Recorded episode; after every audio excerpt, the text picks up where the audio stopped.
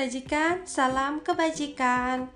Halo teman-teman semua, uh, hari ini saya akan record podcast. Uh, lagi-lagi nggak apa-apa ya, kita membahas tentang COVID-19, tapi bukan lagi tentang uh, COVID-19 itu seperti apa, virusnya, bagaimana cara penyebarannya dan lain sebagainya. Tapi yang mau saya sharing di sini adalah bagaimana pemerintah uh, sudah menghimbau kita untuk melakukan yang namanya social distancing ya. Nah, uh, pemahaman social distancing sendiri uh, menjadi rancu kalau menurut saya ya karena uh, kita uh, seperti menjadi yang antisosial seperti itu kan atau kehidupan sosial kita menjadi ada jarak. Nah, sehingga dikeluarkanlah istilah baru yang namanya physical distancing. Nah, saya lebih setuju sih dengan istilah ini ya, yaitu menjaga jarak antar manusia dan menghindari titik keramaian. Ini poinnya. Nah, hashtag-hashtag tentang di rumah aja. Nah, kita tuh ngapain aja di rumah gitu kan. Uh, bahkan di handphone di grup itu udah mulai banyak yang curhat-curhat aduh di rumah jadi capek ya jagain anak uh, tugasnya banyak. Terus uh, sekarang tugas anak pakai internet terus laptop dan lain sebagainya sedangkan laptop mamanya udah jadul dan lain sebagainya. Ya uh, itu bumbu-bumbu cerita selama uh, kita berusaha untuk membantu pemerintah dan membantu para medis dalam menangani COVID-19 ini dengan cara di rumah aja. Uh, nggak apa-apa, toh uh, kita juga melakukan ini untuk kehidupan atau uh, masa depan yang lebih baik lagi nantinya di hari esok. Pasti kan kita kan nggak mau terus-terusan seperti ini terus kan? Ya nanti akan ada masanya uh, semuanya akan berlalu dan kembali seperti semula dan semoga kita menjadi bagian dari yang mengalami masa-masa pemulihan dan masa-masa untuk kembali seperti semula lagi ya teman teman-teman semua kenapa sih kita nih harus physical distancing Nah, yang pertama itu COVID-19 ini kan menyebar dengan sangat cepat ya. Orang dapat terinfeksi tanpa gejala apa pun. Namun tetap dapat menyebarkannya ke orang lain. Jika kita tidak melakukan upaya pencegahan dengan menghindari keramaian, Jumlah orang yang terinfeksi akan meledak dan fasilitas layanan kesehatan akan kewalahan menangani. Nah, mungkin saya cerita bahwa saya ini kan posisinya sekarang ada di Kota Pangkal Pinang. Kota Pangkal Pinang ini uh, ada di Provinsi Bangka Belitung dan kemarin saya lihat map uh, penyebaran COVID-19 sepulau Sumatera ini semua sudah zona merah dan yang masih zona hijau adalah Bangka Belitung dan Bengkulu. Uh, bersyukur ya bersyukur, takut ya takut ya. Jadi uh, gimana cara supaya kita tetap bertahan dan kita bisa melewati semuanya uh, serta meminimalisir penyebaran COVID-19 ini ya dengan cara di rumah aja. Pasti itu aja sih jalannya, itu aja caranya uh, dan meningkatkan imun tubuh kita. Uh, physical distancing ini akan mengurangi laju penularan agar pasien terinfeksi dapat ditangani hingga sembuh. Jadi tidak menumpuk pasien-pasien itu ya. Physical distancing itu kita ngapain aja? Yang pertama pasti kita di rumah aja. Ya, berdiam diri di rumah. Jika tidak untuk kepentingan yang sangat mendesak, usahakan tidak perlu kita keluar rumah. Jika terpaksa sekali keluar rumah, hindari tempat yang ramai, beri jarak dengan orang lain. Uh, katanya paling pendek itu jaraknya satu meter ya antara orang yang satu dengan orang yang lainnya. Lalu sekolah diliburkan. Kebanyakan tempat kerja sudah memperlakukan WFH ya. Uh, apa bekerja dari rumah. Lalu maka kita um, menggunakan kebijakan-kebijakan itu harus dengan bijaksana. Jangan malah kemudian kita jalan-jalan uh, jangan juga kita mudik atau pulang kampung. Nah jadi kemarin ceritanya yang punya kosan saya ini datang dan lalu dia bilang kamu nggak pulang kan ke Jakarta? Nggak pak gitu kan. Nggak pak saya nggak pulang. Ya kalau kamu pulang jangan balik lagi ke sini katanya seperti itu. Ya uh, secara mama juga nggak kasih sih saya pulang ke Jakarta ya. Jadi ya sudah terimalah uh, keadaannya. Sabar-sabar Oke, lalu juga uh, jangan mengadakan acara berkumpul seperti reuni, arisan dan lain-lain. Nah, teman-teman semua, uh, kita harus tahu bahwa saudara-saudara kita yang bekerja di fasilitas kesehatan sedang berjuang nih di garda terdepan. Ayo kita hormati usaha mereka dengan mematuhi setiap himbauan uh, di rumah aja dan melakukan hal produktif lainnya.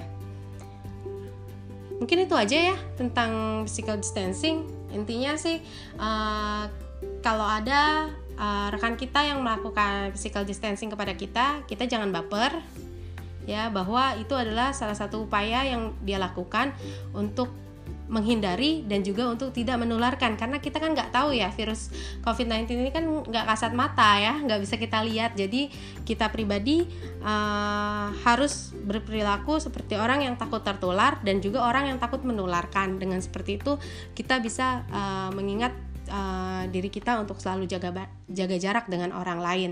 Lagi-lagi no baper dalam keadaan seperti ini kita nggak boleh baper-baperan, nggak boleh tersinggung-tersinggungan dan juga uh, pembicaraan-pembicaraan yang berbau sara uh, kalau bisa kita hindari ya karena uh, apa harusnya di dalam menghadapi dilema masalah ini kita bersatu untuk memperkuat uh, usaha dan mengoptimalisasi segala tindakan-tindakan yang sifatnya uh, ke arah perbaikan atau ke arah uh, bersihnya negara kita dari virus COVID-19 ini bukan menjadi bagian dari provokasi-provokasi uh, sebagai provokator dari hal-hal yang tidak uh, penting untuk kita bicarakan seperti itu. Tentang uh, permasalahan ataupun tentang pembatasan-pembatasan uh, hak-hak kita uh, umat beragama di dalam beribadah kiranya kita bisa uh, menyingkapinya dengan dengan hati yang lapang karena hati yang lapang membawa tubuh kita sehat. Mungkin itu ya. Kalau kita kalau kita mendengar berita apa yang tidak sesuai dengan hati kita lalu kita uh, meningkatkan emosi kita kita mencaci maki uh, berkeluh gerutu dan lain sebagainya mungkin itu bisa membantu uh, imun tubuh kita menjadi menurun. Nah berarti itu namanya tidak membantu tapi menjerumuskan ya. Yang kasihannya diri kita sendiri karena kalau imun kita imun tubuh kita menurun artinya kalau tidak sengaja si COVID-19 itu lagi lewat di depan kita lalu dia menemukan inangnya untuk mampir dan berdiam diri amit-amit dia akan betah di tempat kita atau di tubuh kita karena kita tidak memiliki imunitas yang tinggi. Ya saya jadi ingat bahwa uh, di dalam sebuah kitab atau buku dari four booksnya Confucius ya atau uh, umat beragama Konghucu menyebutnya kitab sesu atau kitab yang pokok itu dikatakan bahwa belaksa benda tersedia lengkap di dalam diri. Kalau memeriksa diri kita ternyata penuh iman maka tiada kebahagiaan yang lebih besar daripada itu.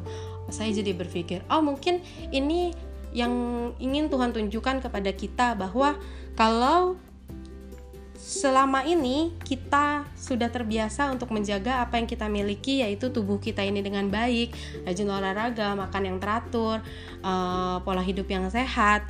Artinya kita nggak perlu merasa bukan artinya sombong juga ya. Artinya kita uh, tidak tidak sekhawatir orang-orang yang merasa bahwa selama ini kurang menjaga kesehatannya. Nah, termasuk saya mungkin ya. Saya baru mau menjalani pola hidup sehat, tapi Uh, terus datang COVID-19 ini, uh saya benar-benar menjadi orang yang salah satu uh, mengalami stres ringan ya, stres ringan di sini. Artinya bahwa saya tidak merasa tubuh saya sehat, saya itu mudah lelah, saya itu uh, baru mencoba untuk uh, menjalani pola makan yang teratur, yang sebelumnya mungkin tidak terlalu teratur gitu. Nah tiba-tiba diserang uh, datangnya wabah virus seperti ini, saya uh, jujur saya sangat ketakutan dan saya sangat khawatir. Jadi sampai yang namanya uh, stok vitamin itu banyak terus susu dan lain sebagainya itu ada semua karena memang saya sangat khawatir dan saya menjalankan sekali yang namanya physical distancing ya. Karena saya jujur saya takut saya takut uh, mungkin ketimbang menularkan saya lebih merasa takut ditularkan seperti itu. Mohon maaf karena saya merasa bahwa uh, imunitas tubuh saya tidak sebaik uh, orang-orang uh, yang rajin olahraga dan lain sebagainya. Tapi saya berjanji bahwa kalau misalnya uh, kita sudah melewati masa-masa sulit ini dan ternyata Tuhan masih memberikan saya kesempatan untuk uh, menjadi pribadi yang lebih baik lagi, mungkin pola hidup sehat akan uh, saya coba terapkan lagi-lagi uh, berjanji dan berusaha ya uh, saya juga tidak tahu kalau misalnya ternyata uh, eh, COVID-19 ini sudah berlalu dan akhirnya kita tetap saja tidak berubah gitu, tetap malas olahraga, tetap uh, suka melupakan sarapan dan lain sebagainya. Nah, uh, untuk itu, untuk itu mari kita sama-sama bertahan sampai COVID-19 ini selesai.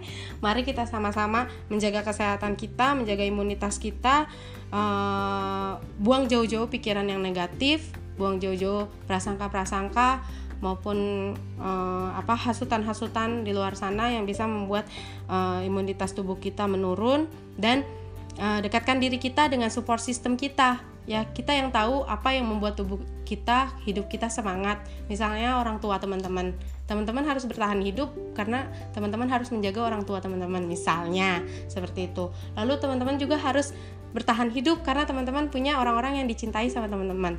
Uh, teman-teman nggak mau meninggalkan kehidupan ini dengan seperti itu saja ya. Uh, untuk itu berjuang. Bagaimana cara berjuangnya? Yuk kita di rumah aja. Karena kita nggak pernah tahu kita akan menjadi salah satu suspeknya atau kita menjadi salah satu orang yang dapat bertahan sampai virus ini benar-benar clear Uh, mari kita sama-sama bantu pemerintah, bantu tenaga medis, bantu orang-orang uh, yang masih tetap harus di jalanan, membantu kita seperti kurir, uh, apa driver uh, ojol dan lain sebagainya dan lain sebagainya. Jujur kasihan kan ngelihat mereka kalau mereka nggak ngelakuin itu mereka juga nggak bisa memenuhi kehidupan uh, kebutuhan hidup mereka. Mereka juga punya keluarga.